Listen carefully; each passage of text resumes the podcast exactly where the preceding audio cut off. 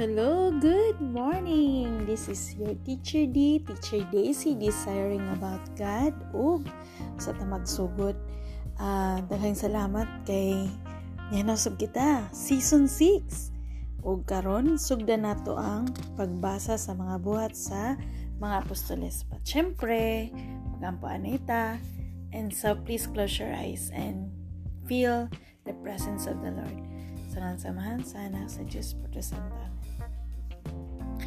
Dalayo ni Diyos ang mga mahan nga nasa langit. Good morning.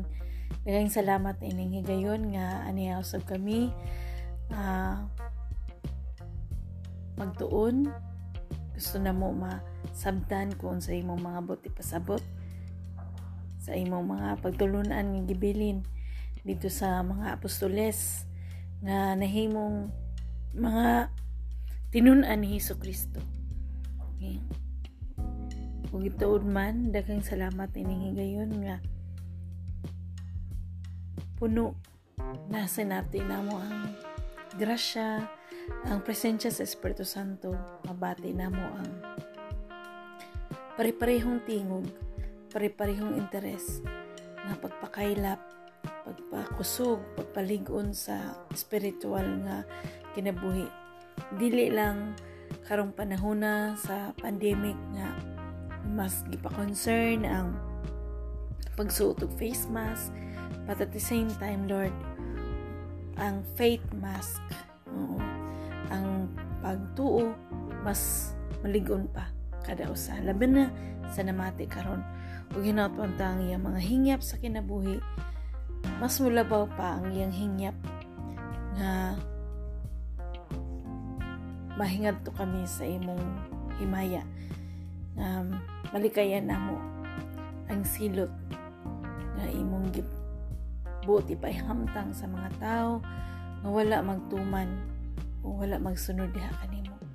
Tabangi kami nga magmalig-on sa among pagtuo sa among paglaom ug sa paghigugma labi na sa among isikataw kining tanan among gipasalamatan pinagi sa ngalan ni Hesus Kristo among Ginoo maluluwas.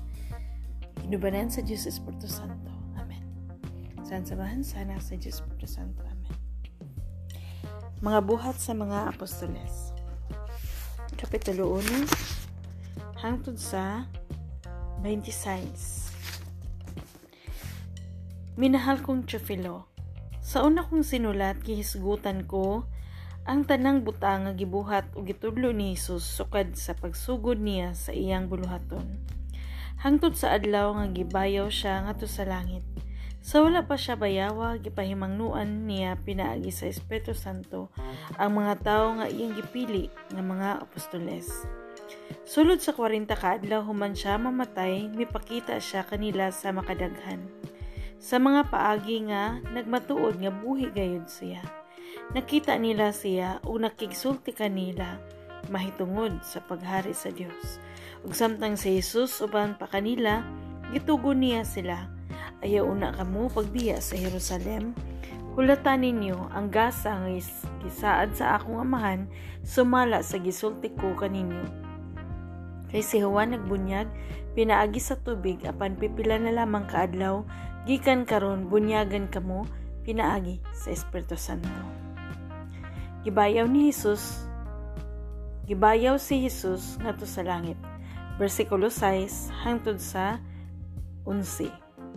Sa pagkatigom na nila, gipangutanan nila si Jesus, Ginoo, ipahiulay mo ba pag-usab ni ining panahon na ang gingarian sa Israel? Si Jesus mitubag kanila. Ang mga panahon ug mga adlaw gitakda ng daan diha sa pagbuot sa akong amahan. Dili ka mo angay magpakisayod kun kano sa kini mahitabo. Apan kun mukunsad na kaninyo ang Espiritu Santo, makadawat kamo gahom ug mahimo kamong akong mga saksi sa Jerusalem sa tibuok Hudiya o Samaria o sa tibuok kalibutan. Human niya isulti kini, gibayaw siya ngadto sa langit samtang nagtanaw sila kaniya, unya gipas gisalipdan siya panganod ug wala na nila siya makita. Samtang nagtutok sila sa langit sa pagkayab ni Hesus, may duha ka tawo nga nagbistig puti nga mitungha pagka pagkalit ug may barog tupad kanila. Mingon sila, mga taga Galilea, nganong nagbarog man kamo dinhi og nagsigig hangad sa langit Si Jesus nga gibayang ngadto sa langit mo balik sa samang paagi sa iyang pagkayap ngadto sa langit. Ang ilis ni Judas, bersikulo 12 hangtod sa 20, size. Unya ang mga apostoles namalik na sa Jerusalem gikan sa bungtod sa mga olibo nga may gilayon nga usa ka kilometro gikan sa syudad. Misulod sila sa Jerusalem ug misaka sa lawak sa itaas nga ilang giabutan sila si Pedro, si Juan, si Santiago, si Andres, si Felipe, si Tomas, si Bartolome, si Mateo, si Santiago ug si Alfeo.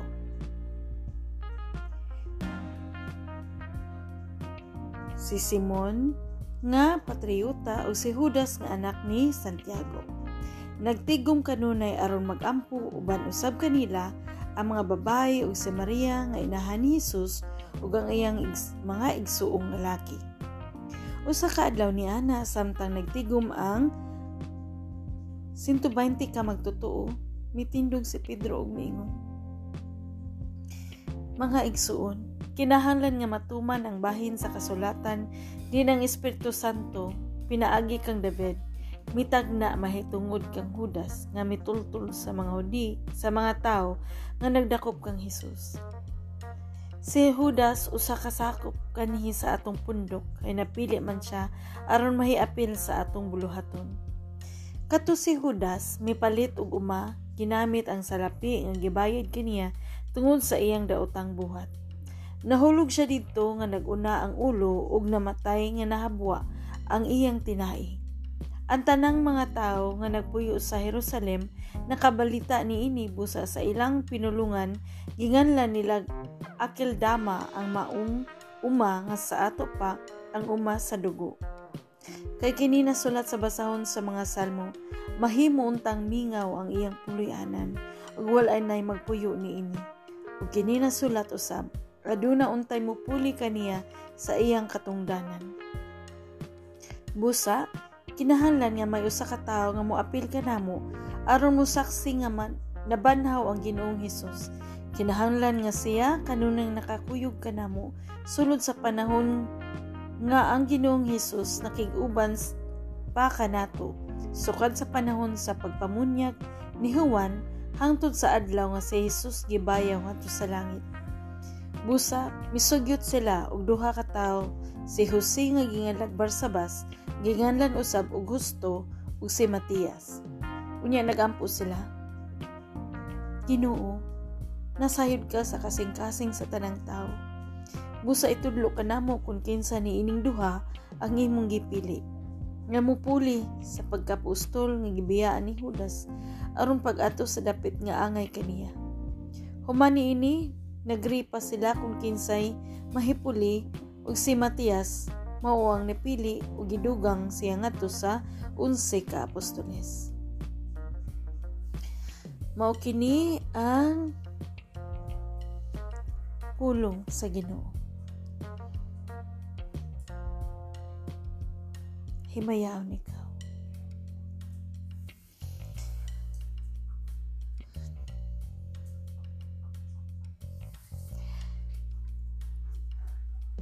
Uh, pasensya na. Ay, na-amaze lang ko sa sa atong gibasa karon si ka 120. Samtang nagtigom ang mga 120 ka mang totoo. Uh, karong adlaw to, ika 120 sa teacher D journey. And salamat sa Dios sa grasya nga iyang kitugot ka nato. And I just hope nga at this time point of time, mas daghan pa unta ang mag magtuon sa Biblia, isip mga binunyagan man kita. Uh, sabay good siya. Oo, it is it is together. Ingon pa, ingon magud sa Hesus Kristo sa iyang mga tinunan nga himuang tinunan ang tanang tao sa kalibutan. Ug bunyagi sila sa ngalan sa Amahan, sa Anak ug sa Espiritu Santo. Ang ako lang gustong ipaabot kanimo, ikaw nga namati karon nga asa nadapita ka sa imong pagkaila sa imong pakigrelasyon sa Ginoo. Ngun pa, imo na ba siyang gisugot? Nga maoy mo dumaa sa imong kinabuhi? Imo na ba siyang gitugutan? Nga maoy magdesisyon sa imong kinabuhi? Diba kung may karelasyon kita, labi na siguro sa mga may asawa, no mas makuha na to ang ang how do we make a relationship? Di ba syempre na kay nakay conviction nga. Mo good morning mo mo communication. Ang komunikasyon nato sa Ginoo kani atong pagampo. Pero syempre ang atong Ginoo dili pareho ka nato nga limitado lang ang atong pangunahuna kung ang dagat dili nato makuan tukig sa gyud ang pinakalawom Ngun sa kaluag ang dagat dili paigo ang pangunahuna sa atong Ginoo. Ngun sa kalawom ang iyang pagigugma kanato. Mga it is very amazing. Ang ako lang ika kuan mo igsuon nga ang kalipay nga akong nabat na, uh, nasinati ang akong kaguul usab nga nasinati ilabi na kung makakita ko. Nga ang Ginoo nag-uul ka nato kay jutay pa lang ang ang nakig hingsugot niya sa iyang tawag. Ako sa una. Uh, bata pa lang ako. Um, nakaseminar o mga mga seminar sa simbahan si Flam. Kana ba tawag? Touching experience kanang gabi nga nagkuan gyud kanang kuros gyud to nga gikan ang ang kanila tagsa tagsa gihimong kuros ang kuan. Nga ma-feel gyud nimo nga ang lihok sa Espiritu Santo na diha. Ug sa YFC ug ang paglihok diha sa pagkaliktor. Ingon pa lain-lain lang nga mga pamaagi nga pwede nga kapasikaran nimo kung asa ka karon kung sa kapaggamit sa Ginoo. Kay nung pa na ang tay Ginoo nga atong gisilbihan. Nata Ginoong gitagad. Pero ang atong klase nga Ginoo dili siya ingon nga dili de, dili lisod samtun. Ang ato na lang pinaka kuan kanang ato nang isubmit ang atong kaugaling nga yes Lord. Yes Lord I'm willing to serve you use me gamit ako and kada nga point maka-realize ka nga ang kinabuhi. It is a, a season of change, a season of when you realize nga magbago ka, o may mga baguhon ka sa imong kinabuhi.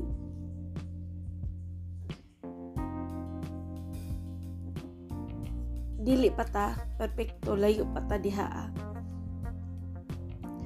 Ang atong lawas, tama, makasahap pero the more nga mas uh, naata sa realization nga ay anak man ko sa Dios.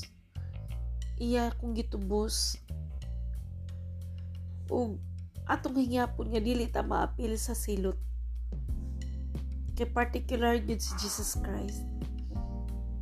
Sa atong nabasa dito sa Ebanghelyo. No? dito sa Ebanghelyos ang gahom sa anak kapitulo 5 ingon siya dito nga nga sa bersikulo 29 katong maayog binuhatan mabanhaw ug mabuhi sa dayon ug katong daotag binuhatan mabanhaw apan silutan mabanhaw ta tanan kung inigabot sa panahon nga inigbalik ni Hesus Kristo ang maunag kahitabo ang unang mahitabo gipaklaro man gyud ni Jesus Christ na yan sa atong mga pagbasa ani sa ebanghelyo nga unahon og banhaw ang katong nangamatay. Oo. Tapos sunod kita nga kanang mag sunod usab kaniya. Unya diha ah, ang atong mga binuhatan may magka makapa-identify. Oo, si si Hesus Kristo na mismo ang pulong ni Hesus Kristo na mismo maoy maghatag natong giya Kay unsa pa man nga naa tay gituuhan unya wala tay wala ta magsunod. Pareho ra gud ana ato mga simple nga kuan sa pamilya. Ina na ka lawm ang atong pakig uh, ka-importante ang atong matter mo matter kaayo kung giun sa tapagrespeto sa atong mga anak or kita giyon sa nato pagrespeto atong ginikanan kung ang atong amahan nga to sa langit Iyon ani atong pagtagad sa mga atong mga ginikanan o atong mga anak nini sa kalibutan. How much more, diba? How much more ang atong amahan nga sa langit. Mo na nga very particular kaayo si Jesus Christ. Noon sa kagrabe nga dili siya gusto nga maapil ta sa mabanhaw masilutan sa baganahan we are here on earth pero na gay gitawag nga kabantay mo pinili. Pinili nga katawhan. So ikaw kung nakabati ka karon one way or another usa ka sa pinili. And I just don't know unsay pamaagi ni Hesus Kristo ni Father God usab uh, unsay plano niya sa imong kinabuhi. Because I've been there someone touches my heart someone has reminded my heart na dapat magtuon dapat pasudlo nato ang pulong sa Ginoo kay diha ug unsay naa diri sa atong kasing-kasing nausap siya. So, kinsa man ang atong gialagaan. Daghang salamat ha. Uh, today, again, ika 120, 120 sa atong podcast. And, kadang inyong nabantayan nga, bingon ko nga 1,355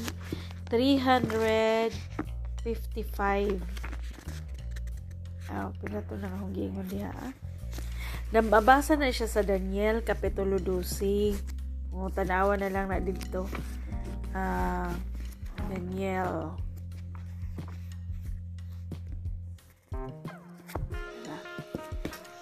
Naray 12 ka uh, 14 ka chapter ang Daniel. Pero mabasa na siya sa chapter 12. Namingon siya. 1,335 kaadlaw. Uh, I just don't know why, but the Holy Spirit has dili ko gusto nga mag-claim nga kuan but God is telling me to claim it. Uh, nga magbasa within 1,335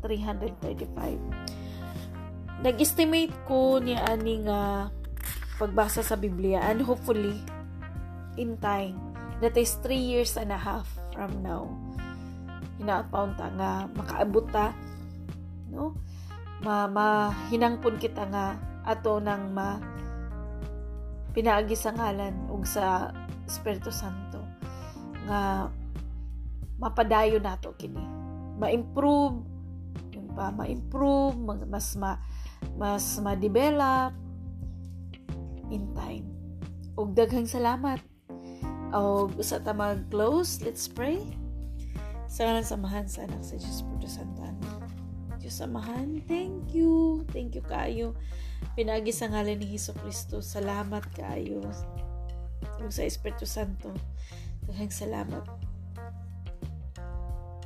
Dili dili na ko ma mapunga na akong kagalingon Ginoo nga I, I just feel you at this moment. Salamat. Manginaot akong Lord nga ang namati karon ma-feel po usab niya. Unsa ka kusog ang imong ba? Unsa ka kusog ang imong ang imong buti pasabot diri sa among kinabuhi.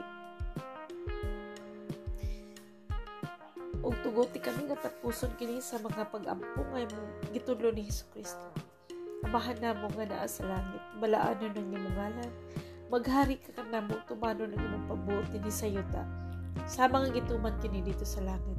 Ihatag ka na mo pagkakon nga mo gikinahanglan karong adlaw.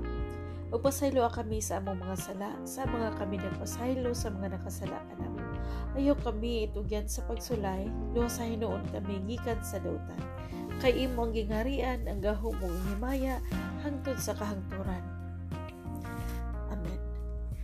Maghimaya ka Maria, na puno ka sa grasya, ang ginong Diyos muna kanimo. Bulahan ikaw sa mga babae nga tanan, bulahan mo sa mabuhay sa tiyan nga si Jesus. Santa Maria, inang ka sa Diyos, ikaw mo kami makasasala. Parunog sa oras sa mga kamatayan. Amen. Himaya, samahan, sa anak sa Diyos Puno Santo, ngayon sa sinungdan ko, sa gihap, sa mga katuigan nga tanan. Amen. Sa samahan, sa anak sa Diyos Puno Santo, Amen. Thank you and God bless. Bye.